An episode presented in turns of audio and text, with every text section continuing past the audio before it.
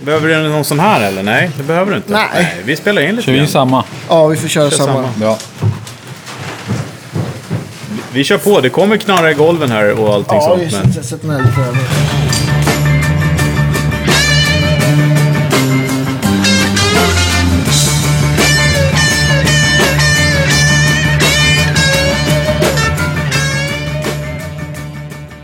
men jag säger då, hej och välkomna till Guitar Geeks podcast.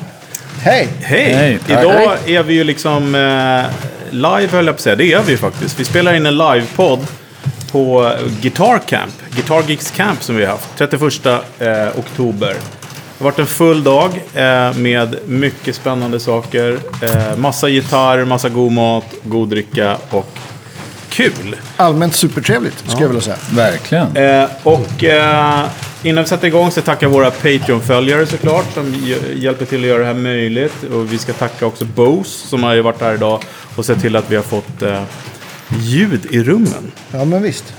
Eh, muggarna, de här eländiga muggarna Andreas, vad är det som händer med dem? Ja, de eh, trycken blev fula så att han vill inte skicka de här snubben som jag beställt dem av. Så, Det gillar vi i och för sig. Ja. Att han Ja, är ju så- har kvalitet. så, att, så att jag har då dillat till med några extra muggar för att det har tagit sån tid.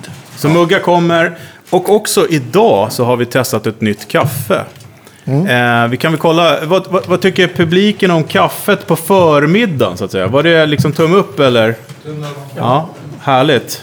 Eh, Nästan hela rummet är tumme upp. Ja, Vi ser hela rummet.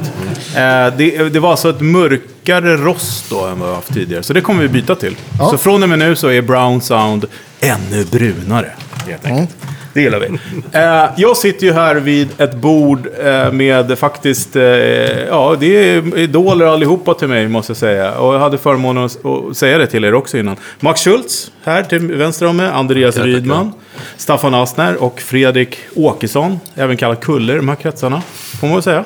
Ja, hemma. Hemma, hemma vid det här bordet. Så, precis. På Ja, men- Camp. Superkul. Och idag så har vi haft Guitar Camp och eh, vi har haft 25 stycken starka individer som har gått runt och blivit manglade hela dagen av olika tips, tricks och eh, metoder.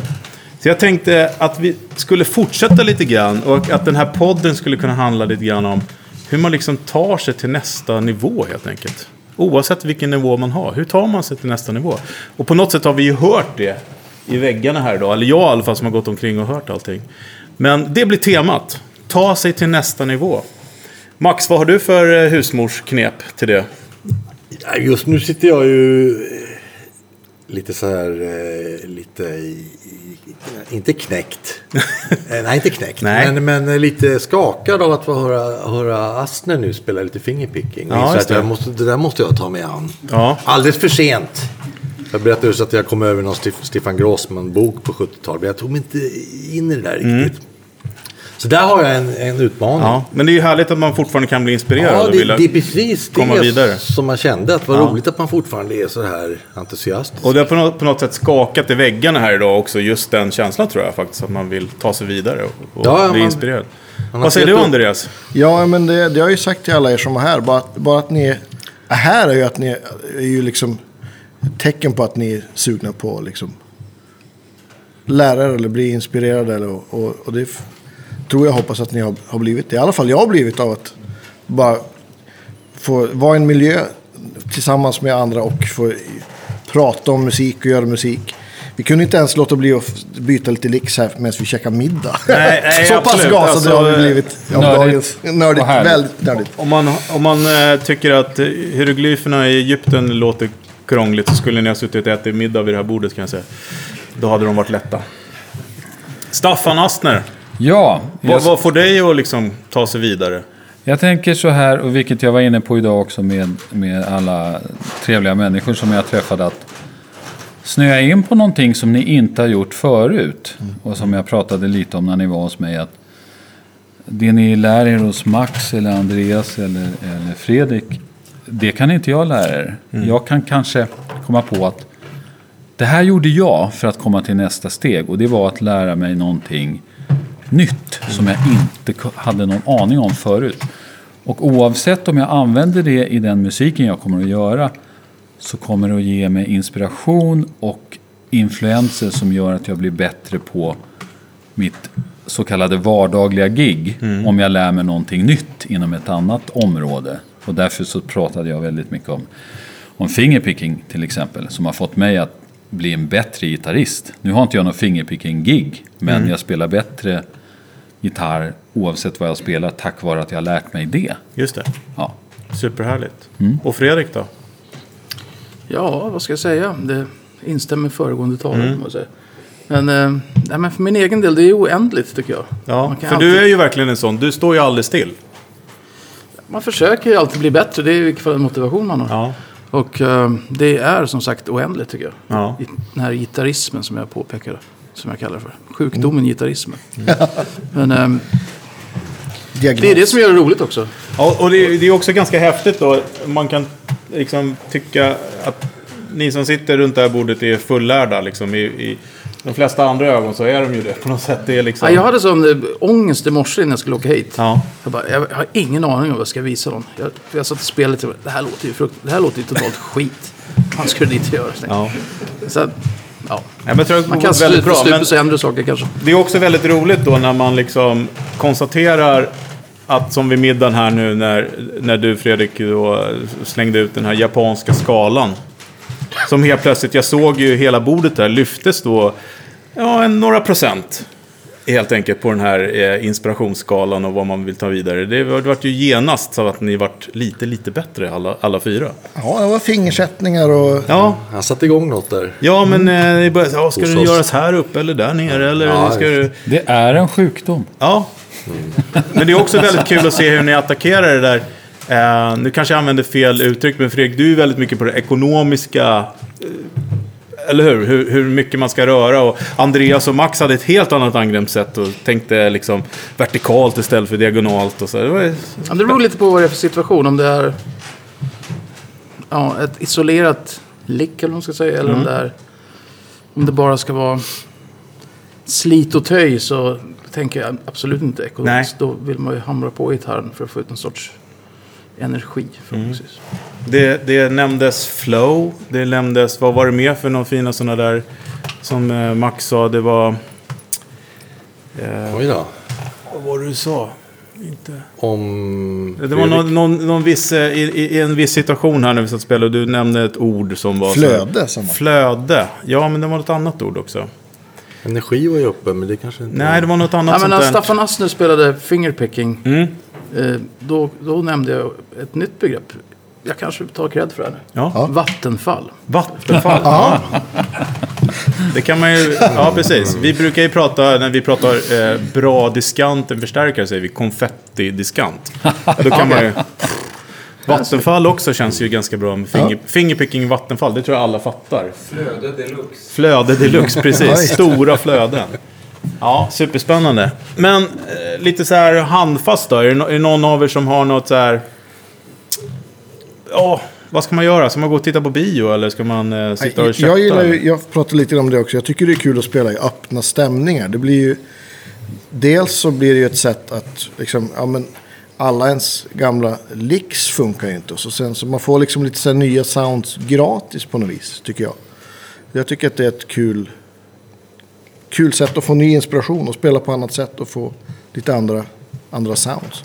Och det, man behöver liksom inte, eh, det spelar ingen roll om det är akustisk elgitarr eller om man spelar slide eller inte. Liksom, så, så tycker jag att det kan vara bara skruva, spela ett, skruva ett öppet D eller ett öppet G och bara sitta en halvtimme. Jag lovar att ni har gjort någon, någon kul musik då. Bara på att trycka ner fingrarna några, på några ställen. Liksom. Den, också när man sitter och lyssnar när ni pratar så känner jag också att...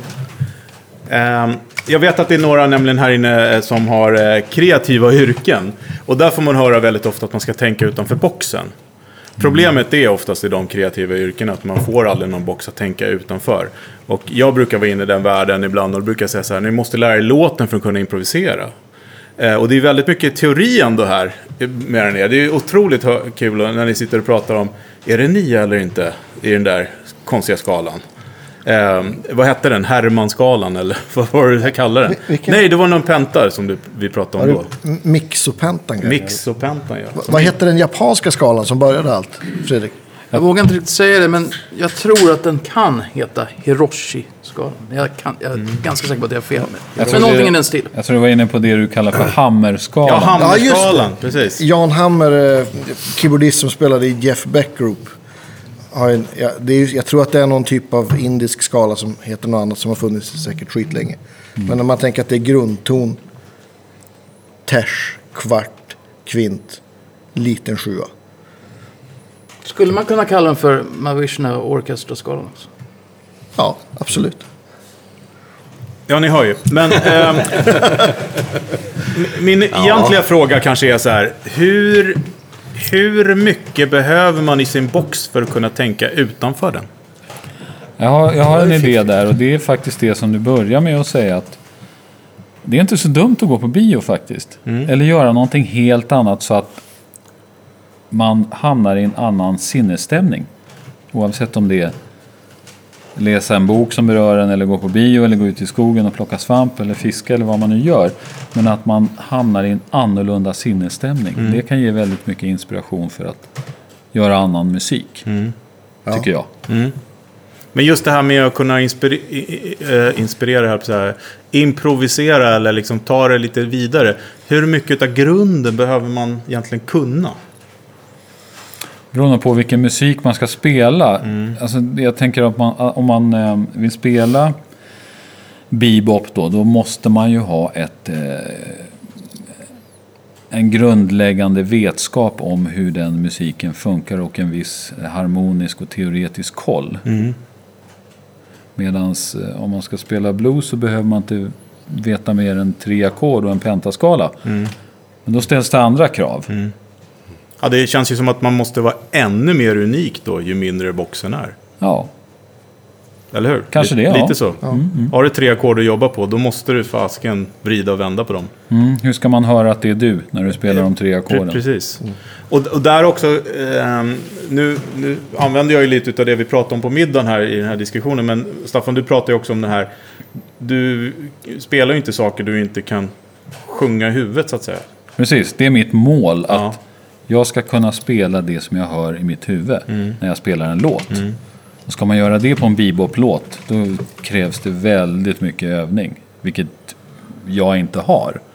Men jag är ganska nära det, när det kommer till lite, lite enklare ackordsföljder eller, eller spela blues överhuvudtaget. Då, kan jag, då kan jag direkt spela vad Och jag det, hör. det kän, känns ju ganska mörkt när du anser att du nästan har tillräckligt med att kunna göra något bra. jag vet inte. Ja, eh. Men Max, du då? Du har ju mycket färger på din palett att måla med. Du kommer ju mer liksom jazzhållet. Där... Det är, inte, Ja, bara, jag det är inte bara försöker- vitt och svart där. Nej, jag har inte gett upp den där grejen med att försöka spela jazz. Jag har inte gett Alltså- upp än. Jag håller på, jag envisas. Men det är roligt, att den där grejen som Staffan säger där med att man ska höra melodier. Det säger Joe Pass faktiskt också, som spelar lite sådär bebop jazzgitarr. Han tycker man ska inte spela någonting som man inte... Han var nog... Han reagerar mot den här skalgrejen som kom. Att man liksom ska höra melodier som man spelar, tyckte han. Så att- Nu gillar jag Joe Pass ännu mer. Vad sa du? Nu gillar jag Joe Pass Ja, men ännu han- mer. Trevlig kille, Joe Pass.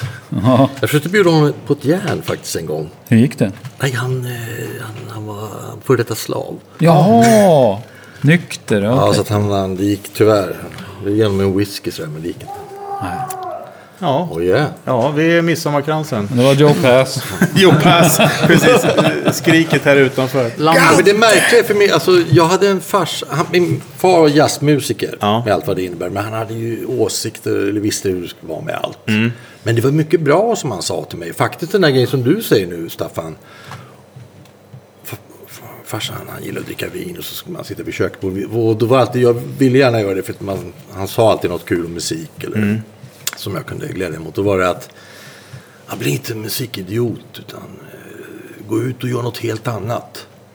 Sitt inte bara med gitarren utan gå ut och ta en promenad, läs en bok. Som du, s- Det kan öppna upp mer. Än att du sitter de här extra timmarna och övar Ja. skalorna. För han hörde ju jag vad på den tiden. Jag, jag var mycket, alltså, jag satt hela dagarna där på, som tonåring. Och det tyckte jag han att det var väl bra men att gör något annat också. Ja.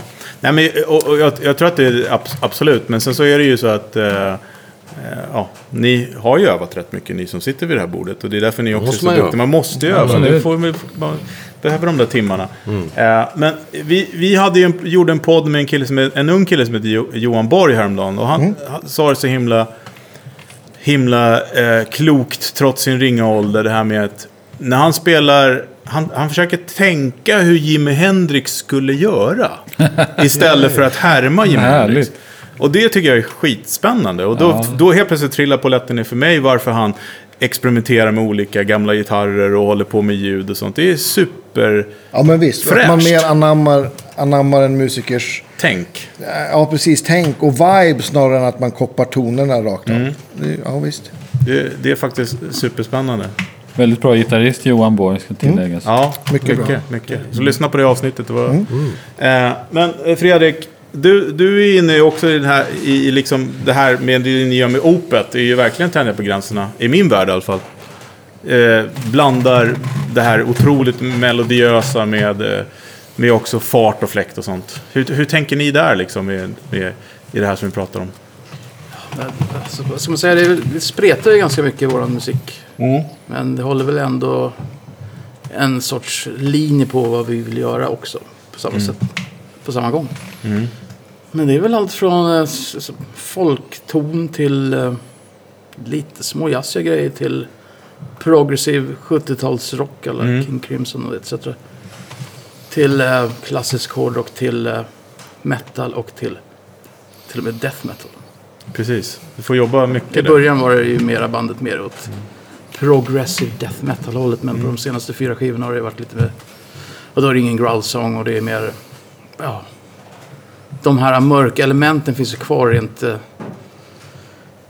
eh, känslomässigt i musiken. Men eh, det är en annan tappning. Men det måste, det måste vara väldigt kul som gitarrist i ett sånt band. Jag menar, du har ju verkligen en, om, om vi ska prata om att måla med färger, så jag menar din penselarsenal i det bandet är ju enorm. Ja, det är väldigt kul att spela med alla killarna i bandet. Det, Ja. det är en solid unit som man säger på engelska. Mm. Men så också Mikael Åkerfeldt är ju, jag tycker lite av ett geni alltså. För att han, han har ett eget tänk på att skriva och hitta på musik. Mm.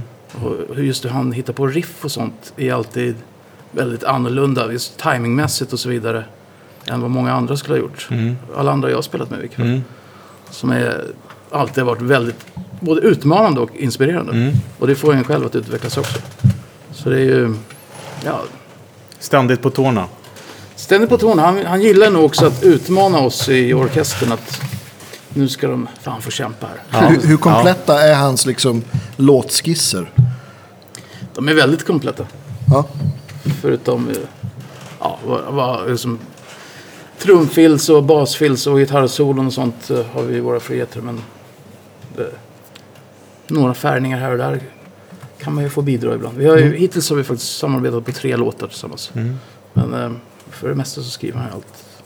Ursäkta min ringa kunskap. Vad är det som är death metal? Om, om, för att någonting ska vara death metal, vad ska det innehålla då? Jag kan inte Det ska själv. innehålla ground. HM2. Ja, det ska vara... Ja, det är en bra fråga. Men eh, growlsång ska det vara. Den här. Ja, okej. Ja. Gutturala. Sen ska det vara extrema riff. Tänkte... Gam, det hårdaste Judas Priest-riffet fast uh, ännu tyngre och mer nedstämt och kanske mer dissonant också. Ska det gå fort eller ska det vara långsamt? Eller finns det några sådana kriterier? Det behöver nödvändigtvis inte vara jättesnabbt. Ja, Men okej. det kan vara en kombination av båda definitivt. Stundtals ska, så ska det vara snabbt. Mm, okej. Grind. Vad sa du sist? Eh, att, att den här grinden man... Jaha. Men, ja, men det är sjukt det här med heavy metal och hårdrock för det finns så otroligt många förgreningar på det. Så till och med jag, till och med jag vet Men eh, jag går vilse också på allting. Jag är uppvuxen med den klassiska heavy metalen. New wave British metal och den vanliga hårdrocken. Liksom. Deep Purple Rainbow. Och sen den brittiska New wave British metal med Judas Priest, Iron Maiden, Saxon och... Och det är lite 80-tals heavy metal eller? Ja, men det tycker jag är lite 80-tals heavy metal är lite senare. Det här med Big Hairs and Snares. Det är, det har, det är inte den, den tidiga 80-tals... Jag tänker på Europe när jag hör det. Big hairs and Ja, men, snares. Ja, bra. ja, men även de tidigare Europlattorna är inte Big Hairs and Snares. Den första och den andra plattan. Nej. Men sen kom det, 86 kanske. Mm. Men de tidiga plattorna som Assault Attack med Michael Schenker till exempel. Har ju även så här progressiva inslag och en, en mycket varmare ljudbild. Ja. Som är ja, som en liten step up från 70-tals ljudbilden. Och Okej. riffen. Eh, Kan man säga att det är min favorit. Trash metalen var emellan, innan death metal va? Ja, Eller? du, det här är tyst lärde. Ja. Jag skulle vilja säga att ta ett band som Slayer var ju väldigt tidiga. ja. Och de var ju före trash metalen. Trash metal kan man väl säga som band som Anthrax till exempel. ja. Lite Slayer var ju ett liksom. death metal band. Ja. Och de var ju väldigt tidiga. ja, det är sant. Samtidigt som Metallica. Men Meta jo, du har rätt. Metallica är ju klassat som trash metal. Ja, precis. Och när kom första plattan, Kill 'Em All? Det var kanske 81? Ja. Jo, Ja, det är så du pass. kan ha rätt där. Men jag tror att de och Slayer höll på samtidigt. Ja. Där det twista lärde. Jo, det gjorde de absolut. Jag hade jävligt coola Slayer-affischer hemma i alla fall på tidigt 80-tal. Måste jag säga. Men, Men jag personligen på den tiden lyssnade ju mer på den klassiska hårdrocken. Som Ja. MSG och men de hade inte lika snygga affischer. Och jag, jag upptäckte den där lite mer extremmetalen senare Ja. ti- tid i mitt liv. Som jag, jag kan vara ganska fascinerad av ibland. Och tycker det är intressant. ja Och det- roligt att spela ibland. Precis, och jag vet inte, men också trash metal var ju väldigt stor i Sverige då när det kom. Jag skojade att säga HM2, men det är ju verkligen det, det här bosspedalen som låg bakom mycket av soundet som kom då med en det. och alla de här. Thomas Skogsberg. Ja, Precis. ja, exakt, precis. Och en tomd framförallt. Ja, sjukt bra band. Eh, Men eh, du nämnde timing och en av övningarna idag. Alltså, jag har ju sprungit runt här och skött logistiken så jag har ju tyvärr inte varit med i de här fantastiska rummen som ni har haft. Men jag satt utanför och lyssnade eh, på Andreas lektion och undrade, har, nu har han något fel på sitt band. För det spelades och så var det tyst. Och så spelades och så var det tyst och så spelades. Men det var ju en timingövning. Ja, precis. Kan du berätta lite om den? Ja, alltså, eh, det, det, jag blev, som jag sa till någon grupp här, jag blev utsatt för denna övning av en lärare på Nordic Jazz Workshop i Umeå någon gång på 90-talet. Exakt. Japp, Bertil Strandberg. Strandberg körde Ja, och han hade då Jag gjort minns. en kassett som hette, om jag inte minns fel, It's about time. Kan det stämma? Ja. Max har varit lärare på den. mycket. Ja, ja, jag kommer ihåg. Och, och då var liksom upplägget var på hans kassett att det var då... Det var ju mest liksom swing och kanske några bossanova-låtar. Men, men upplägget var just att det var komp. Och så blev det tyst i time och så kom det tillbaks. Och så skulle man liksom sola eller spela ett tema. Som, och skulle man då hålla timen i, liksom, i den här tystnaden. Och det var ju till min stora förskräckelse inte alls så lätt. Om man var liksom 17 och hade väl liksom ingen, ja, ingen hade inte alls någon bra time när jag var 17. På det sättet liksom. Så, och sen har jag liksom använt det där. Jag köpte såklart hans kassett för 40 kronor, kommer jag ihåg att den kostade. Och, och, och övade, så sen har jag liksom använt det där själv. Och det går ju liksom att applicera oavsett genre eller liksom eh, groove så, så kan det vara kul. Och sjukt nyttigt att liksom öva på det sättet. Hur upplevde ni det, ni i publiken, ni som var här idag? Hur upplevde ni det? Kul, bra, nyttigt. Spännande. Eh, Det var väldigt eh, surreal, eh, su- surreal säger man. Vad su- surrealistiskt heter det på svenska. Upplevelse att höra det i alla fall, på håll. Det det lät kan jag väldigt schizofrent och fragmentarisk musik. Faktum är att jag, eller Bert, jag var med när Bertil gjorde den där grejen. Först på eleverna och det var ju svårt. Ja, det var, tror jag, hela korus ja visst. Det var skitlångt. Och sen så kan vi, jag kanske tänkte att någon av lärarna ska komma upp. Max! Eh, jag vägrade faktiskt. Ja, det var Men så, Jonas. Knutsson som har ett annat mod. Ja. Han gick upp Ja. och förnedrades. Ja. Nej då, han klarade sig bra. Men, men, men jag kände att det här kommer spricka så jag, jag vägrade faktiskt. Den, den längsta var två chorus. Var det två korus? Det har blivit längre sen, sen jag var med. Eller vad det heter. Ja, det är tuff Värre med tiden. Två chorus, ja det är, det är ganska spännande. Vad, vad, vad känner ni att, eh, att eh, ni har lärt er idag då? Förutom den här japanska skalan som vi fick under middagen. Max, har du, har du få, eh, tagit till dig något idag? Massvis känns Ja. det som. Ja, det var... För det är väl det, det, det, det mest fantastiska att lära ut, att man lär sig också tillbaks. Man lär sig av frågor, av att eh, tvingas tänka till. Ja. Och tvingas spela country. Ja, det var då jag blev utsatt för det. Jag vet inte, det gick inte så bra. Jag tror hon kom från Staffans rum och hade fått en dos. Ja, men jag gjorde ett försök. Jag, jag är modigare idag än med den här timingövningen. Ja, Ja, det vågade jag inte med Bertil där, men körde lite country. Jo visst, så det, allt som öppnar upp det är bra att Ja. våga slängas ut. Alltså. Absolut. Du då, Andreas? Ja, men jag, jag instämmer med Max och jag, jag tycker också att det, eh, det är nyttigt och utvecklande att eh, verbalisera saker kring musik som man kanske bara gör. Men det blir, för mig blir det på något sätt att man befäster saker och man även säger eller berättar om det. Inte bara liksom gör det. Jag vet inte, det kanske låter flummigt. Men... Tvungen att tänka till helt enkelt. Ja, man- men exakt. Staffan då? Jag tänker att när man, när man är så här många gitarrister som ses på ett och samma ställe då blir det ju lite att man utbyter saker. Ja. Och som Max sa där att eh, en del frågor får en ju att tänka till att ja, hur gör jag här egentligen? Eller hur gjorde jag här? Hur tänkte jag här? Men att få höra andras infallsvinkel och funderingar i ett ämne är, är nyttigt. Det, det har jag lärt mig mycket på. Det är kul att sitta och tjata med vi fyra här som sitter här Ja. nu. Och de drar iväg här och min japanskala och jag fattar ingenting. Men eh, jag lärde mig något på det. Ja, Efter ett tag. Det tog en stund. Jag var lite trög där. vi satt ju åt också. Satt ju åt också. Precis. Vi gör ju en sak i taget. Vad säger du då? Eller? Det har varit mycket, väldigt mycket fokus på den här japanska skalan.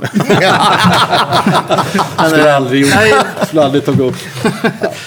nej, nej men det, det har varit en väldigt trevlig kväll till det första. Ja. För det första vill jag säga. Och eh, coolt initiativ av er att dra igång den här grejen. Verkligen. Tack. för. Och sen, eh, det är kul och jag var lite nervös för det här i morse. men Man vet inte riktigt vad man ska göra och man kör lite på feeling bara. Se vad som händer.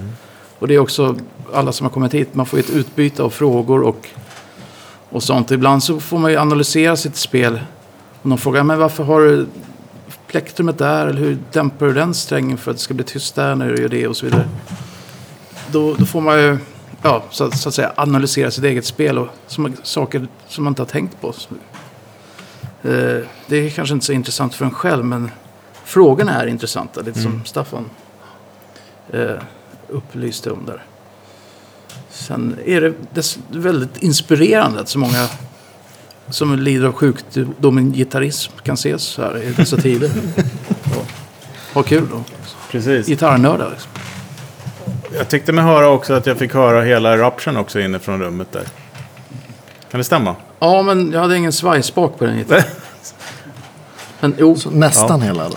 Och det ska vi väl också säga till lyssnarna att det finns ju en fantastisk eh, inspelning på Sveriges Radio, eller hur? ja, jag vet inte. Jag har inte vågat lyssna på den. Nej, Jo, det är Ja, men vi har lyssnat på den. Den är jättebra. Ja. Tack. Vilket program var det som du... P3, eller? Ja, Epstein och Ljungberg, eller Ljung. Ja, Nordgren. nog Ja, ja. sorry. Eh, det får ni gå in och lyssna på. Det ligger nog på play där. Eh, Men det var väldigt eh, hastigt. eh, Det var ju dagen efter den gode Edward gick bort. Mm. Och då ringde de bara. Kan du komma hit och prata och spela lite Van Halen-licks? Mm. Men jag har en sån här bucket list ibland att jag har aldrig lärt mig raption. Jag måste lära mig det. Mm. Jag måste, ibland får jag sån här ryck att jag måste lära mig Sales of Sharon-solot med Scorpions med Roth. ja. För jag har alltid gillat det så Ja. Klarar jag av det? Jag vet inte. Jag provar. Men eh, ja, hur som helst, jag drog dit men då var det något fel på utrustning så jag var tvungen att rigga i direktsändning. De var ganska tajt schema där. Så, så, så de sa nu kan du köra och då, då var det inte riggat. Och då ville jag få in Face 19 såklart. Så kör jag Eruption och Eko. Så hade jag Olsson 20, Little Hilltoppen med och en 112. Så det var, det var, ja, jag höll på att få en hjärtinfarkt. ja, fast det, det, det, kan, det kanske var bra. Det kanske blev en bra take på det. Du får lyssna på den och se vad du tycker själv. Ja men tack ändå. Lite, lite, lite kniven mot strupen ska man väl ha. Men när, det, när vi ändå var inne på det. Eh, Nej, nej, jag får bara lägga en tillägg. Det var kul att de frågade att de highlightade en sån grej på Ja. ett sånt program. Ja, Ja. Så Det, det, det, det är kul. verkligen. Men, men bara lite kort så här. eh, Panelen, eh, jag kallar det panel nu, det, det låter ju vuxet. Eh, eran liksom relation till Van Halen? När vi ändå var inne på ämnet. Ja, alltså fantastiskt. Vilken, vilken eh, innovatör. Ja. Och, även om det här med tapping har gjorts förut, men han, han inspirerade ju så många att eh, spela gitarr på ett annorlunda sätt. Så Mm. Snacka om timing kan man säga också. Ja, verkligen. Och vilken eh, glädjespridare, alltså musikaliskt. Jag älskar Van Halen. Tycker det var fantastiskt. Eh, jag har en kul story om ni vill höra. Gärna. Jättegärna. Jag jammade Eller med Yngve när jag var, Vi- Nej, jag var typ så här 18 bast. Så åkte vi till Yngves replokal. Källarlokal, väldigt liten. Det som fanns var dubbla bastrummor, Marshallstackar och rökmaskin. Såklart. Vi spelade Deep Purple-låtar och jammade. Ja.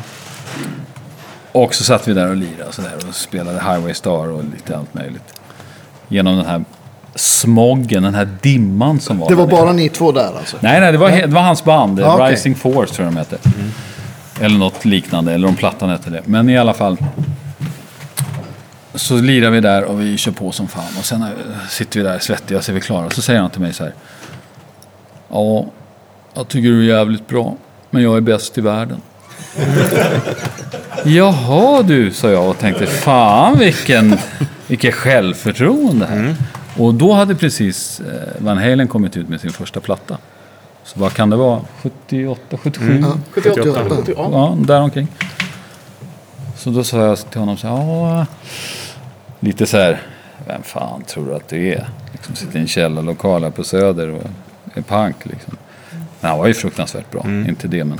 Och då sa jag till Yngve så här, jaha, så du är bäst i världen men har du hört Van Halen? Då säger Yngve så här, ja, han och jag, vi har mycket gemensamt.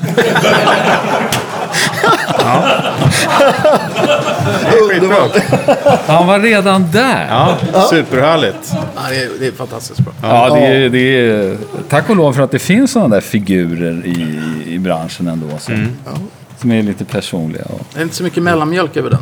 nej, inte så mycket. Max då, har du någon relation till Van Halen? Nej, inte mer än att jag också verkligen tycker om hans Ja. spel och allt han har gjort. Det, allt det jag har hört. Jag har liksom inte lyssnat sådär. Kanske Nej. det inte varit, men alltså allt jag har hört har gjort intryck. Ja. Jag håller med Staffan. Ja. Tycker han sa det väldigt bra. Och Kulle, i din värld vet jag ju att han har ju varit mer närvarande kanske genremässigt liksom.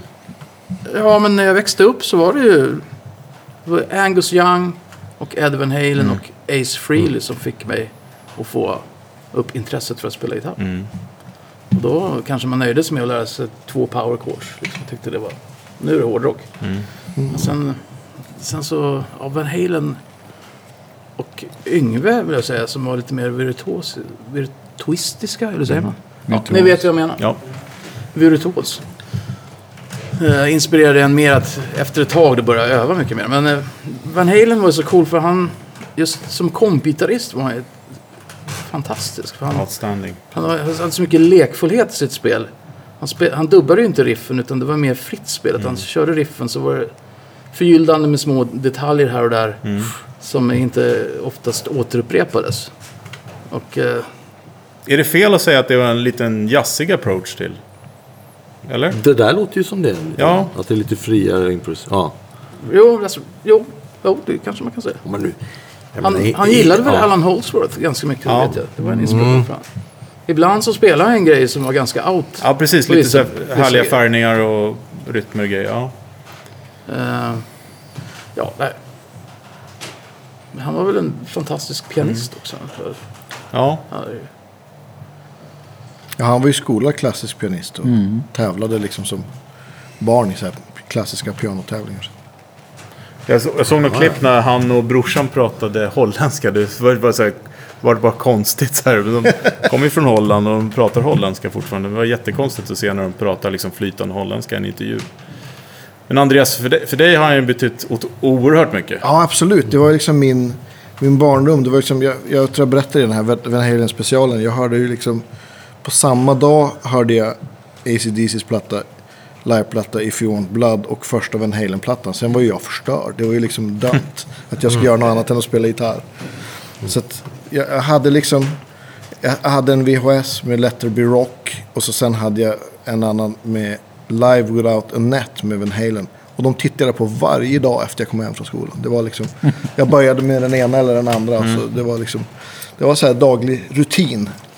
Och boy, rostade mackor, Live Without a Net. Liksom. Ja, inga konstigheter. Ja, lite Men han var också en väldig innovatör när det gäller sound. Ja, oh, ja. Sökte alltid efter den perfekta tonen när det gäller stärkare och, och grejer. Det har ju ni gemensamt. Det, det gör ju du också. Ja, man är ju... Man har ett intresse. Va? Ja. Eller vad sa du? Sjukdom? Diagnos. Ja. Men, men om vi pratar om innovation och sådär då. Vad, vad, ser, vad ser vi att vi är på, på väg med gitarrismen? Vad är, vad är vi på väg? Några säger att den håller på att dö ut och några säger att den eh, blommar mer än någonsin. Vad säger du Max? Vad känner du om gitarren och dess utveckling? Jag inbillar mig att det händer en massa saker. Ja, Jag hänger inte med. nej, Det går för fort. ja, Ja, de är lite äldre nu också. Man, det, man får se upp som att det fastnar i gamla grejer. Men det, jag, jag uppfattar det som att det kommer mycket nya sätt att spela gitarr och nya tekniker och sounds. Och. Men jag kanske inbillar mig. Vad säger ni, det andra? Ja, verkligen. Det känns Alltså, att... vi, vad jag tror det var jag och Staffan som pratade om hur mycket gitarrer det har sålts i år. Gibson har ju liksom, de hinner inte ens bygga alla gitarrer. Och, och ja, men musikmänniskor man känner som jobbar på musikaffärer har liksom, de säljer hur mycket gitarrer som helst. Så att, och, och jag tycker också att om man tänker sig, s- det har ju hänt jättemycket om man tänker, det är ju musik som jag inte liksom kan spela överhuvudtaget. Men man tänker he- hela det här med gitarrer med fler strängar och med shugga och liksom allt som har kommit ur det. Liksom, det är ett helt nytt sätt att spela gitarr som inte fanns för 30 år sedan. Det är liksom hela den gent-grejen och jag kan ju inte det överhuvudtaget. Jag tycker det är som att spela ett annat instrument. Jag, det fascinerar mig jättemycket liksom. Till exempel med Shuggas musik. Det är intressant att du tar upp det. För jag har inte heller koll på den grejen.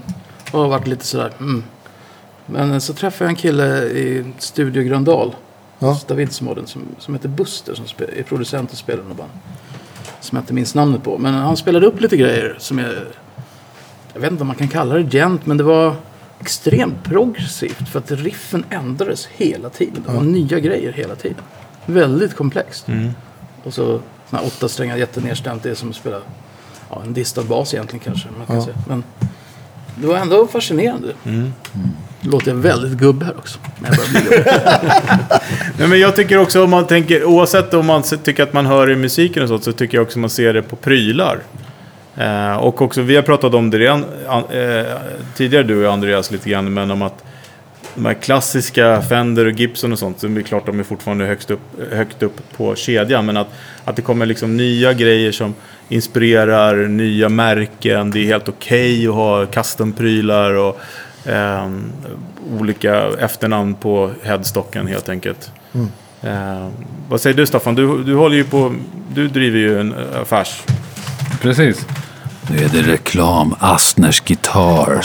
Reklam? Jag ska haft en jingle här också. Precis. Nej, men hur ser du det i din, i din dagliga verksamhet på så sätt? Ja, alltså det, det har ju aldrig varit sånt i- intresse som under coronaperioden. Och, Mm. Som Andreas och jag pratade om tidigare. Att alltså, Toman har ju slut på sitt lager vad det gäller gitarrer och pianon. Mm. Jag har aldrig sålt så mycket gitarrer som under corona. Och eh, jag tycker att det är fantastiskt om man ska se något positivt med den här covid-perioden. Att folk spelar ju mer än någonsin. Jag antar att folk har mer tid i och med att man inte går till jobbet som man gör i vanlig ordning. Och folk är permitterade med lön och har tid att kanske ta tag i den där drömmen om att jag ska spela gitarr och så vidare. Men sen finns det en annan sak också som jag tycker är väldigt stor skillnad från när jag växte upp. Jag är född 61 och eh, när jag gick och tittade på gitarrer som 15-åring Alltså nya Gibsons och nya Fender på andra halvan av 70-talet. Det var ju bara skit alltså. Det var inga bra gitarrer. Och de kostade mycket pengar. Och så blev man intresserad av 60-tals eller 50-tals Fender och Gibson och sånt där. För de var mycket bättre. Men det som jag tycker är så friskt idag är att man inte behöver spendera mycket pengar för att köpa en riktigt bra gitarr. Alltså de billiga gitarrerna håller oftast väldigt hög kvalitet. Vilket också främjar, för att svara på din fråga, intresset Ja, att handla och börja spela. Du kan köpa en Lägre billig gitarr och, och enkelt. den är bra. ja.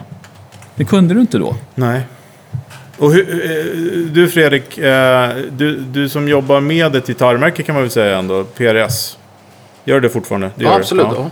Hur, hur ser du Vi jobbar, där? ja, de, jo, de sponsrar oss. Ja. Det. Men eh, ser du, hur, är, är, jobbar ni nära eller är det mer att du, ni jobbar med de modeller som har eller är ni mer påverkar eller, eller hur, är ni med i loopen där på något sätt liksom?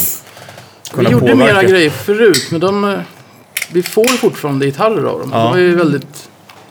De kräver egentligen inte så mycket tillbaka om, Nej. om det var det du... Nej, men jag tänker mig att, i- inte kanske kräver utan att kanske att de vill ha er input liksom för att kunna utvecklas hela tiden. För det är, vår, det är ju det bästa nej, sättet nej, inte alls utan vi vill, om vi har speciella önskemål om, Ja. jag vill ha dem och de mickarna och så. Eh, det är inte så att de gör en custom-gitarr. De skickar inte så här, kolla den här nya grejen liksom. Typ. Nej, de kan skicka länkar, vi har släppt det här och så vidare. Ja. Men förut så gjorde vi lite mer som att vi åkte på mässor med dem. Ja. Mm. och Åkte till NAM och, och signade och, och satt och pratade med Paul Reed. Och vi var hemma hos Paul Reed och vi var där på fabrik. Vi spelade faktiskt på PRS-fabriken med hela bandet. Det var kul. Ja, coolt. På PRS-dagarna. Det var, det var spaceat. Mm. Paul sprang kring framför och gjorde så här. Tekniskt satte vi så här. Det var en ganska skön mix om man Ja. säger så. Men eh, Han känns ganska speciell. han är jätterolig. Vi har hängt ganska mycket med honom. Varit hemma hos honom. Han har en väldigt cool studio. Ja. Han har så Bob Dylans gamla eh, plate reverb och Elvis gamla plate reverb som han har käkat. Yeah. Gigantiska sådana stål.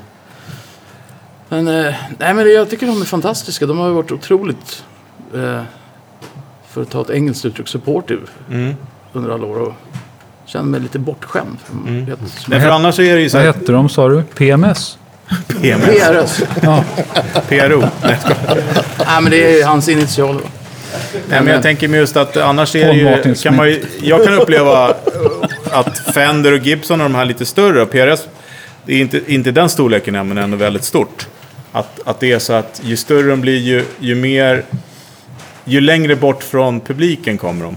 Alltså att de har inte örat mot rälsen längre. Ja, men de har gjort ett par grejer som är jäkligt smarta Ja. faktiskt angående det. Som Staffan var inne på, att fler ska plocka upp gitarren. För deras high-end-instrument är ju så dyra. Mm. Ja. De ligger runt 40 000 kronor. Så de har ju, dels har de en SE-serie som är tillverkade i, i Sydkorea Mm. tidigare. Nu tror jag att det är Kina eller Indonesien, jag är osäker. Som ligger runt 4-5 000 kronor. Där vi gjorde en varsin si- signaturmodell, jag och Mm. Micke, som de har tagit bort nu. Från, ja, sen par år.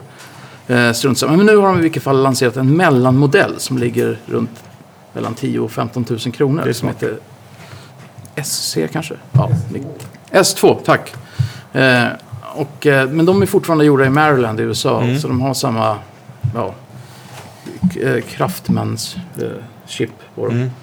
Eh, Hantverk. hantverk, tack. Mm. Men de kanske inte lägger ner eh, alla de här timmarna på lackjobbet utan Mm. de backar på sådana grejer. Men det är fortfarande hardwaren och Ja, bitarna det, ja, är, det, är ju- av det, är högsta väldigt, kvalitet. det är väldigt smart att ha de där signatur också. För man, Jag Eh. spelade på en sån idag när, när vi körde lite gitarrnörderi här. Mm. Och, eh, det är faktiskt min favoritgitarr som jag fått av dem. mm. Det är min... Den Jag den mer än vissa av de här high-end instrumenten. Den är lite mer... Men det, det, det är också en grej, att i Sverige gillar vi inte att ha någons namn på gitarren.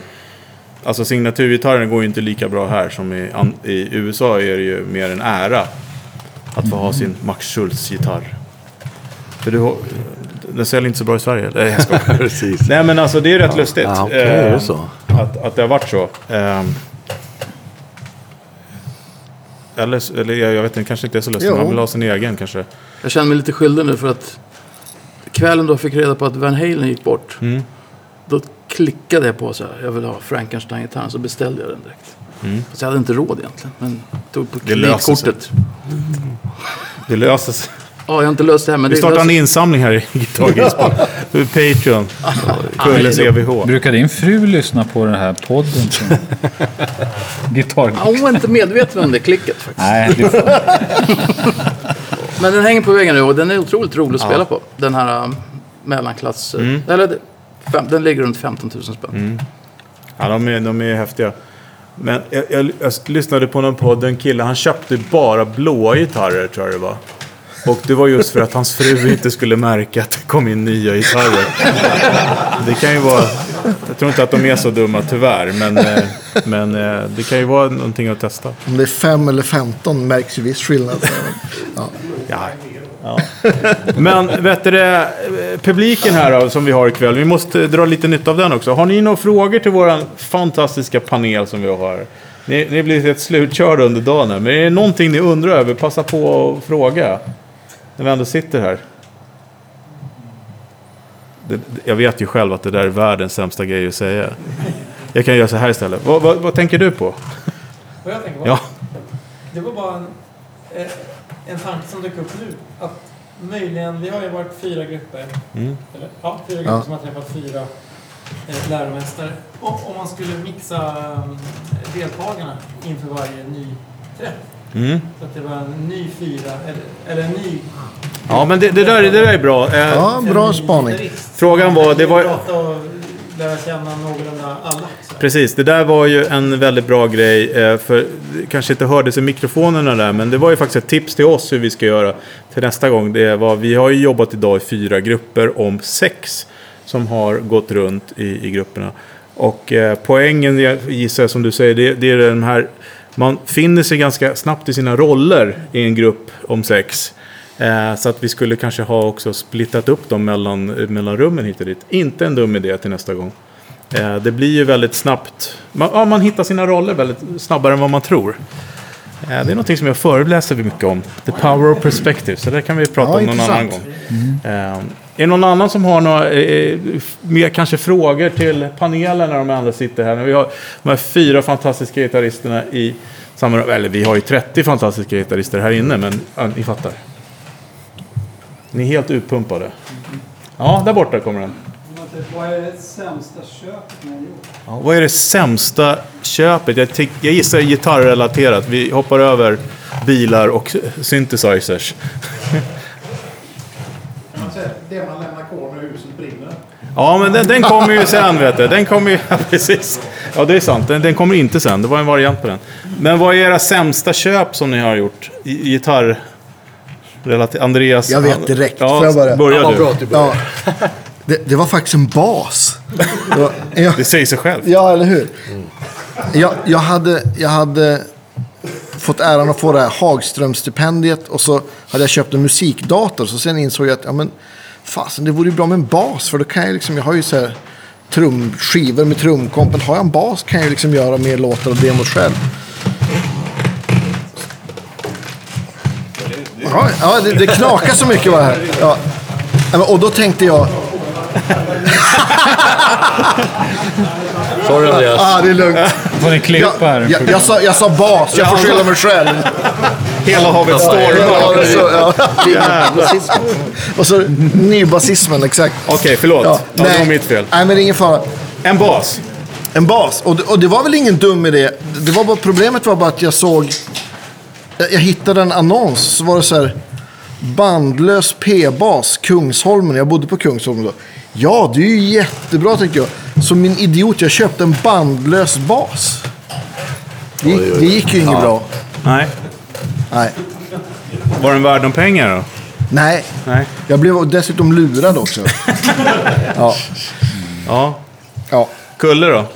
Ja, finns ett par alternativ, men jag väljer en. Sån här, Roger Lind fanns det någon grej som jag varit hypad över på estrad. Det var någon sorts trummaskin och en gitarrförstärkare i en pedal. Minns? Adrenaline heter det. Adrenaline hette den. Just det. Och de, den vart jättehypad där. Och Jag lyssnade på gitarr. Ja, fan, kul. Så, trummaskinen kommer följa dig. Massa sådana snack. Så, fortfarande ser jag den där i min byrålåda. Jag har aldrig använt den. Nej. Den ligger. Men det kanske är en rarris nu. Ja, vem vet? Men- Hör av er om ni kanske är intresserade. Eller så. Ja ja. Staffan då? Jag vet precis. Jag eh, gillar ju vintagegitarrer. Jag har väldigt mycket gitarrer. Eh, och eh, Jag skulle köpa en Firebird. En snubbe kommer hem till mig med en eh, Firebird. Och jag tänker, fan vad coolt. En 63 första året. Firebird 3, två mickar, svajarm. Perfekt. Men han skulle ha ganska mycket betalt för den. Så jag sa så här, kan du eh, tänka dig att byta någonting? Ja, vad har du då? Och då hade jag, och jag, var, jag hade gamla Marshalls. Och jag hade ingen aning om vad de var värda. Alltså gitarrer har jag ganska bra koll på vad det gäller Gibson och Fender och Gretsch och sånt där. Vad det gäller vintage-delen. Men Marshall-stärkare hade jag ingen koll på. Så han sa, nej men eh, den där stärkan kanske är värd, ja, inte så mycket då, men ta den och så lägg lite pengar emellan. Så tar jag din custom shop eh, strata här och så kanske du lägger 30-40 tusen emellan. Och så tänkte och så jag, ja men det blir bra. Jag använder ju inte den där Marshall, eh, Plexi Marshall någonting. 100 wattare från 1969. Ja, har du någon låda? Ja, en låda. Du kan ta den också. Så, den är så Och otymplig. sen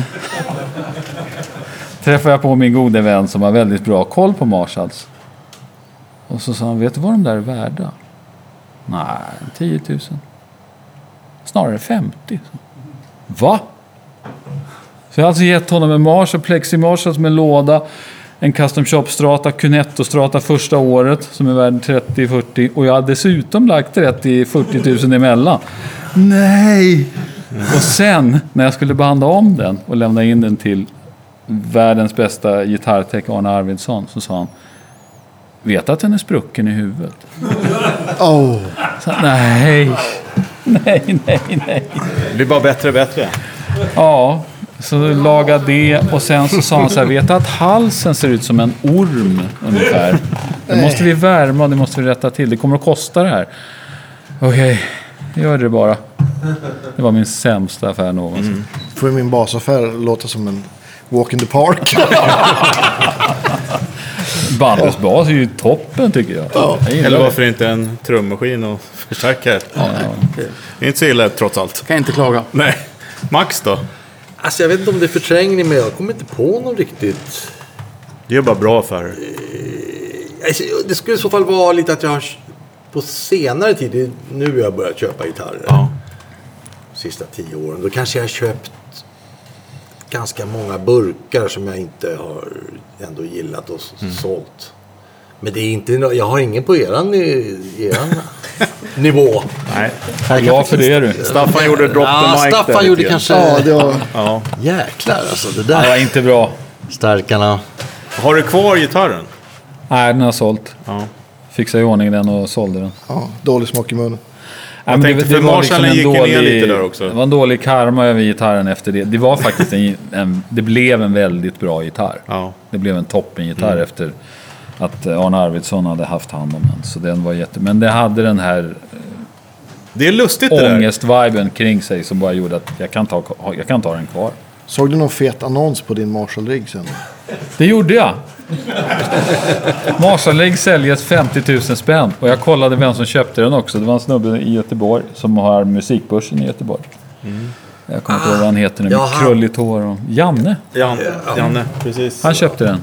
För typ så här Och 50. sålde den säkert. Sålde den för 70. Ännu dyrare. Jag vet inte men... Ja. Nej, det, Men, var, det var inte bra. Men det där med, det där med känsla över instrument. Eh, jag pratade med Danne. Danne är tyvärr inte med ikväll.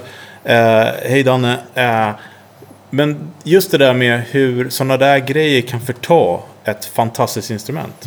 Att det liksom är dött när man har det. För det är för mycket historia kring det. Har ni andra haft något sånt instrument som ni nästan gråter när ni håller i bara för att det finns någon historia till som man mår dåligt av så att säga? Eller är ni lyckligt ovetande om det? Ja, inte vad jag kommer på. Nej, inte jag heller. Härligt. Du har en sån, det Vad, vet jag. vad sa du? Du har en sån. Ja, jag har en sån. Ja, det måste ta den då. Nej, men det, det är ju tråkigt. Men det, det är när det, går, när det rinner för mycket vatten under broarna och eh, kompisar för, försöker trissa upp priser och ner priser och hit och dit. Och, sen när man väl får det där så är man liksom utmattad. Ja, Så har den där kvar. drömmen försvunnit. Den är helt borta The thrill is gone. Ja, vi har en hand där. Ja, jag, vänder på frågan. Vi är för att lära oss idag. Vad är Ja. det bästa vi har köpt? Precis, vi vänder på frågan. Vad är det bästa vi har köpt? Oj. Kulle? Gitarrer? Ja, gitarrrelaterat. Ja, alltså, det är svårt. Men jag kan nämna faktiskt en gitarr som jag köpte av Staffan. Mm. En Gibson SG. Ja, den är bra. Eh, SG standard. Mm. Från eh, 69 om jag inte minns Mm. fel. 69. Som hade lite reparationer i sig. Så priset var rätt humant. Mm. Men den har en otrolig output. Och det bara smäller på ett Härligt. ackord så är det explosiv output i den gitarren. SG'n skulle jag också vilja säga har haft en riktig revival de senaste åren. Den har varit svårsåld länge. Ja, men eh, visst har det släppt? Ja, det har den. Det är konstigt med tanke på att Tony Iommi, Angus Young, Mm. Frank Marino. Bland andra. Nej, jag tycker det, det är Pete super, Townsend, superroligt att det Precis. nästan, Zappa. nästan, ut, Ja, ut, Zappa. nästan Därför- utslagen och nu så tycker jag det är en av de topp som folk pratar om hela tiden. Att man vill ha en bra SG. Staffan då? Jag gjorde en jättebra gitarraffär en gång när eh, precis innan semestern så ville min kompis Nysse sälja en 335 från 62. Och den var, den, var så, den, var helt ren, det fanns inga repor på den, ingenting. Paffmickar, allting. Han skulle sälja den för 25 000 för han behövde pengar till semestern. Det här är i och för sig 20 år sedan. 20 Men år. ändå. Fortfarande billigt. Det var fortfarande billigt då. Och ja, jag tar hem den. Och eh, i mitt gitarrrum då som jag hade på den tiden. Så hade jag med mig en sån här staty från Afrika som jag hade köpt när jag turnerade med Svenne Zetterberg i, i Mosambik. Bara det är ju värt ett, en story kan jag säga, men det tar vi sen. Och det stod och jag hade lämnat fönstret lite öppet. Och eh, jag hade egentligen inte råd att köpa den där gitarren då. Men Nysse behövde pengar till semestern så jag sa ja, jag, jag älskar den här gitarren, den är fantastisk men alltså, jag har inte råd. Ja men, ja, men eh, vad fan, ta hem den då så ger du mig pengarna och så får du tillbaka dem sen. Eh, jag måste ha dem nu bara. Och så tar jag hem den. Gitarren står där vid fönstret. Afrikanska statyn. Fönstret på glänt. Kommer en liten vindpust. Fönstret åker upp. Statyn åker ner. Och gör liksom ett märke i gitarren. Den är helt blank alltså på framsidan. Åker tillbaka till Nysse, jag måste erkänna, ja det här hände. Han säger, nej för fan, nu får du behålla den. Den var helt blank. Ah, Okej. Men, den gitarren, det är den bästa gitarren jag äger. Och nu är den värd minst 200 000. Trots det var ett bra märket. köp. Ja, verkligen. Ja. Vad var det för märke sa du? Gibson ES 335. Eller menar du vilket märke som blev efter den, den afrikanska statyn? Afrikanska statyn. Ja, det, Litet det blev en liten flisa där på framsidan. Men Fin, shit. finns den kvar den? Ja, ja, den gör, alltså jag säljer den aldrig. Jag menar dingen från Ja, ja, statyn. ja. Ja. ja absolut. Du då Andreas? Och sen, jag, jag ska bara Ja. avsluta den här grejen. Och sen efter semestern så ringer då nyss och säger ah, fan jag ångrar mig. Jag ska ha tillbaka gitarren. Nu! Och jag bara säger, det kan du glömma. och det, den är, det är en fantastisk gitarr alltså. Det är den där ta med ur huset när det brinner gitarren faktiskt. Andreas då? Alltså, så du, var det bästa gitarraffär eller? Var Nej, det, det, nej, det var Var det ju... något sånt? Grejer med relativt. Ja, det kan ju också vara någonting som inspirerar. Det behöver inte vara just att det är en bra affär. nej. Bästa inspiration kanske eller någonting. Eh, oj, vad svårt. Jag har hört det ganska nyligen säga att du fick ett tag på ett instrument som fick dig att sitta och skapa musik. Ja, absolut. Men alltså, Men det kanske inte är den. nej, att den, den telen som jag haft att spela på idag, den, den eh, blir jag glad och inspirerad av varje gång jag spelar på den. Så jag får nog säga att det var, jag köpte den. Och den var Bygg, det, det är min kompis Perra som har byggt den. Och han hade byggt den till någon annan och via Fredrik Lundman som har varit med i vår podd också. Cowboy-Fredde. Japp, Swedish Cowboy. Så, så lyckades jag köpa den där för att killen som hade beställt den och skulle ha den skulle köpa en Harley Davidson istället. Så det var ju tur för mig. Så att det, var, det får nog bli den faktiskt. Och det är ju också fantastiskt att en, ett instrument som är byggt för någon annan kan passa så bra till dig. Ja. Helt. Men nu har jag ju spelat på ganska många av hans gitarrer och han har ju liksom, han gör hans... Jag är jättesvag för den halsprofilen. De är typ en tum tjocka. De är ganska bastanta liksom. Och det, nästan alla hans halsar är så. Och han släpper inte ifrån sig något som inte är jättebra. Så att, ja. Kul. Max då? Jag har suttit och våndats här. Ja. Jag har sett det på dig. Och jag märkte, det kändes som att du kände av det. Och lämnade mig, gav mig lite tid. Ja. Men, eh, nej, men jag alltså, kan säga att den här, min Telecaster på ett sätt. Jag gillar den gitarren men framförallt så fick det mig att kapitulera inför Telecaster som gitarr. Och att den, liksom, den faktiskt passar mig. Och Halkan tjatade i många år om Vad är det du har? 62, 63 eller vad är det? 66 är det. 66, Men den just är- det, Den just det, är Blond. blond och micken är död nu tyvärr. Ja, nej, det blir aldrig lika bra. Ja, Det kanske kan bli ännu bättre. ja nej, jag, Vi får se. Nej, jag kan bara innan du... eh, Så, så jag kom på att jag köpte faktiskt en Guild 12-strängad riktigt gammal akustisk. Den var, det var en bra affär. Jag fick den till ett bra pris. Och det var kul att spela 12 för den är så lättspelad också. Har en 70-talare eller? tidig 70 eller Ja, de är fantastiska. Otroligt lätta att spela på. Ja, men bra. Så att han känner till Andreas Hordakis. ja. Han har eh, lånat den och tycker att det är som... Han är ju väldigt teknisk virtuosgitarrist. verkligen. Och han gillar att sitta med den där tolvan. Så att jag tror att det var ett kap. Kul. Ja, så att... Det är roligt med instrument som Ja. eh, inspirerar en. Vi hade en fråga här.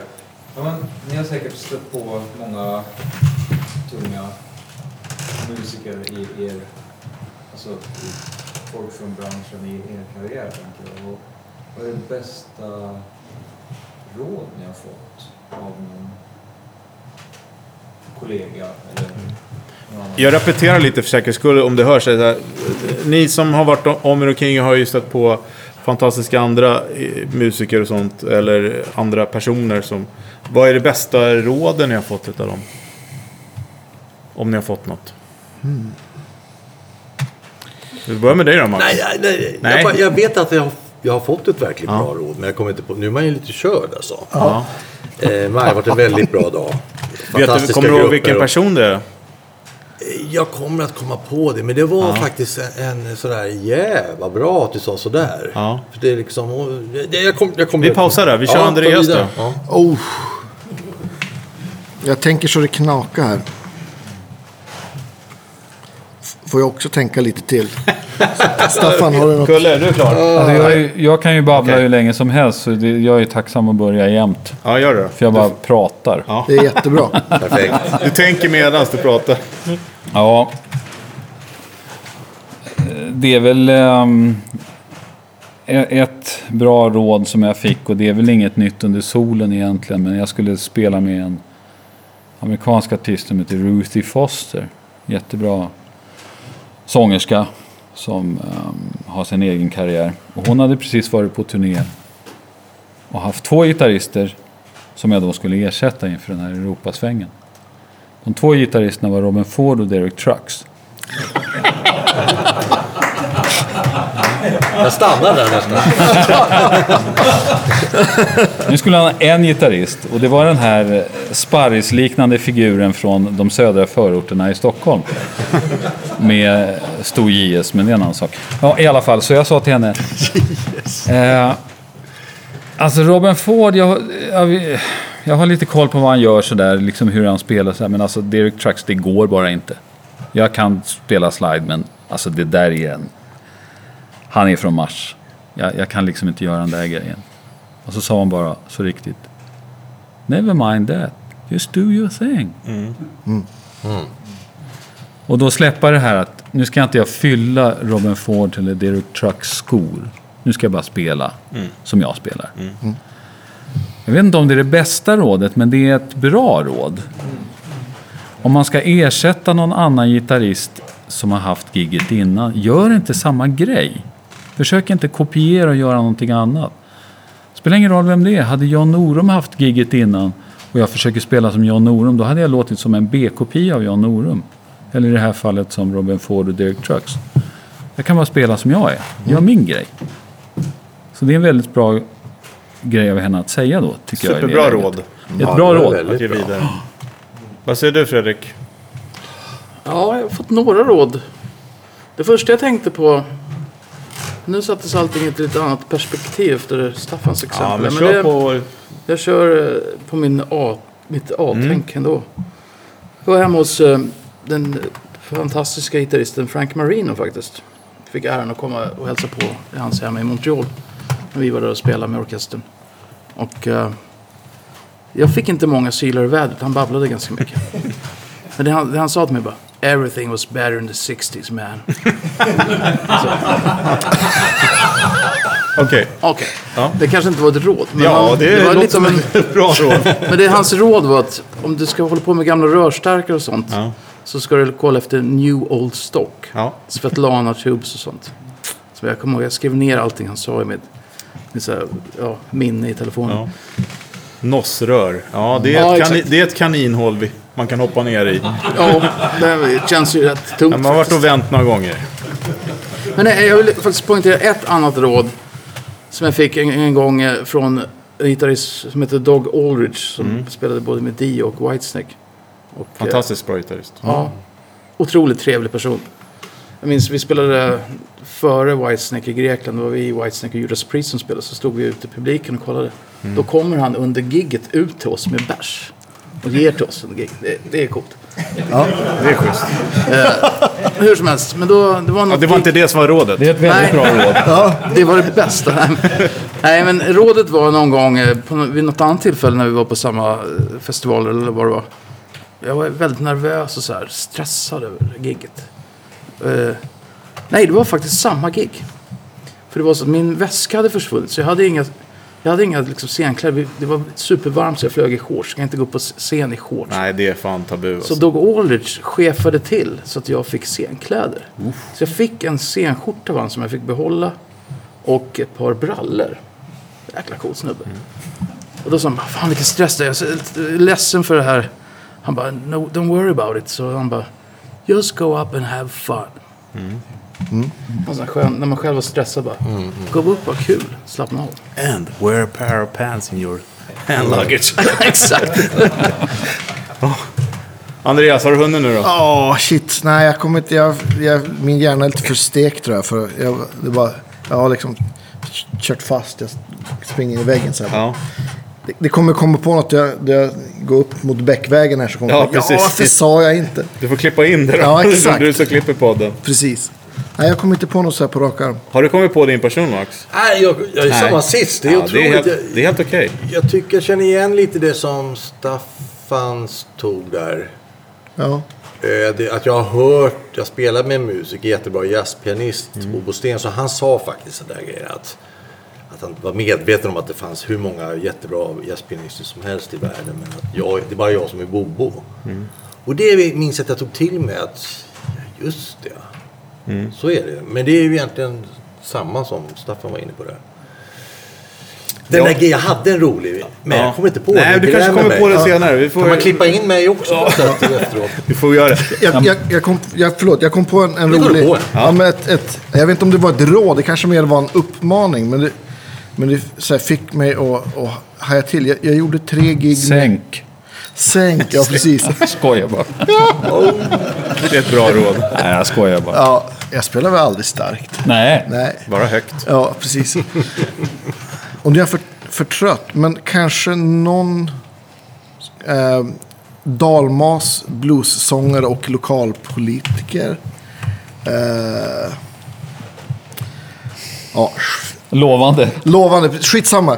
I, Eh, nej, jag kommer inte ihåg vad han heter. I alla fall, jag, jag gjorde, skulle göra tre gig med honom och, så, och tredje det var på tre gig på två dagar. Vi spelade eh, i Falun. Och sen dagen efter skulle vi spela i Sveg i foajén på, på biblioteket. Och sen skulle vi spela, spela eh, på Sollerön i Dalarna dagen efter. Så det var ju lite så här flängande. Och jag hade inte sovit så mycket. Och så, och så, så här, spelade vi någon så här slow blues där så här, mitt på dagen lunch på. Och, och jag kan väl ärligt talat säga att jag kanske inte riktigt var där. Så, jag, jag, så jag spelar väl kanske lite så halvlamt. Och så bara, så bara tittar jag upp, då, då ligger den här farbrorn nere på golvet. Så säger Spela för helvete! och då, och, och då, då blev jag lite så här, ja, fan klart jag ska spela. Och det, det, jag pratade om det idag också, det här med att liksom mena vad man spelar och liksom och bara liksom inte fega utan bara köra liksom. Det, det, det, det, det tog jag verkligen med mig. Det var liksom så här, han tyckte, vad är det för jävla mek? Spela för helvete! Ja, det är bra. Då får man tänka på värsta gigupplevelser. Ja. Det är lite roligt också. Oh, Så kan vi köra den. Får jag ett råd bara som jag har hört på omvägen? Jag har inte fått det själv. Det är utav självaste B.B. King. Som skrek över scenen. Eh, skit i, i siffrorna, spela på bokstäverna. Till bandet. Det kan vara ett bra råd. Han var bra. Ja. Förlåt, nu går vi in på värsta gig Ja, men Det finns många, men jag kommer på en som är kanske den miss, verkligt lågvatten Ja. i, i mitt musikaliska liv, om man ska kalla det så. Det var, jag spelade i ett CC Top coverband eh, som heter CC Flop. Och då skulle vi spela upp i Norrland på ett hotell. Och vi skulle vara där på samma hotell två dagar i rad. Det här var länge sedan, typ mitten på 90-talet säkert. Vi körde bara gamla CC Top-låtar. Och det var första gången jag spelade med dem. Jag hade hoppat in. Och det var en riktig superfest faktiskt. Så vi hade två dunkar hembränt med oss. Som man gör i Norrland. Men vi tog med oss dem från Stockholm. och trummisen, han var, han var med bra, god, vid, god vigör kan vi säga. Så gigget började med att vid inräkningen, en, två, tre, boom, tappade han trumpin. och så hör man från publiken, jävla 08 jävlar. Skönt, bra gig. Vad, använder ni sprit? Ni, ni använder inte spriten för att bjuda publiken då? Det hade ju varit bra annars. Nej, den, Den, förtärdes innan då, Ja, uppenbarligen. ja. Jag kom på ett råd, men Ja. vet inte, det, det var inte det jag tänkte på. Men... Apropå hembränt eller? Nej, jag vet inte. På ett sätt kom jag in på den. Jag kommer ihåg det på den vägen. Tack för... Därför att jag var och spelade i Göteborg, Ali Lundbom. Staffan? Mm. Honom minns... hur Honom lät- minns jag väl. Hur lät han? Max Schultz på gitarr. Åh. Ja, det är väldigt bra. Han gav mig nämligen möjligheten och chansen att spela med Charles Brown, den gamla hjälten. Jaha pilotspelning. Och det var någon natt i Göteborg, vi spelade väl på Nefertiti tror jag. Och jag har varit ute, jag hamnade på efterfest, kom för sent till bussen. Dessutom hade jag haft lite, ska man säga, skabbig look. Alltså jag klädde mig inte helt på själva spelningen kvällen innan. Han- Han sa ingenting om att jag kom för sent. Men jag förstod ju att det var... Men så sa han att, och jag har förstått lite där, och inställningen bland många amerikanska jazz och bluesmusiker, att efter att ha läst sen Miles bok, det hade jag inte läst då, hans biografi, att han tyckte att det viktiga, punkt ett, ett max, hur du klär dig. Punkt två, personlighet. Punkt tre är musiken och den ska vara jävligt bra. och då fattar jag att, ah, okej. Jag ska skärpa mig till nästa gig Ja. och sätta på mig något. En bra skjorta eller Ja. någonting i alla fall. För det här är 88 och sånt där skulle jag tro. Och det verkar ju fest, för det är ju alltid stilig. Ah, han, kanske, han kanske träffar något där. Ja. Han bara tackar för det. Men eh, vad roligt det var att höra Ali igen. Kan vi få höra han igen en gång? Max Schultz på gitarr, ja. Han lät faktiskt lite sådär. vet, vet ni vem det är alla? Nej, de är, de är för unga här. Ja, men kan man spela med Rolf Wikström i hur många år som helst? Han försörjde sig faktiskt som kafétrummis på 60-talet. Han spelade på fik och konditorier till kaffet, eftermiddagskaffet. Att spela vispar. Det var liksom hans gig på 60-talet. En stor personlighet. Ja, verkligen. Det måste vi kolla in. Vi kanske kan lägga någon länk här i Ja. Ja, avsnittet. jätterolig kille. Alltså, han kunde berätta historier. Och... Oj, oj, oj. Visst hade de sektorskalas han och Ragnhild hette de va? Ja, just det. Och eh, det var väldigt noga med allting. Men de tyckte det var märkligt när det kom in. Man hade glömt att bjuda Skicka inbjudningarna. Så det blir bara han och... var fullt med sådana där hela tiden. Ali alltså. Det var säkert något också. Ja, nej, det, vi, vi börjar komma igång lite grann, men vi ska faktiskt runda av. Vi ska, ja, det, det, precis, innan det blir uh, orumsrent höll jag på att säga. Ja, Nej, jag bara. Nej, men eh, vi har ju den här frågan i vanliga fall, vad man ska ta med sig när, när det brinner eller sista grejen man säljer. Men den har vi redan kört med er, eftersom ni har ju varit gäster i programmet. Och Staffan var ju faktiskt första till och med. Jag var nummer ett. Ja, precis. Nu gör jag sådana här Staffan segrartecken här.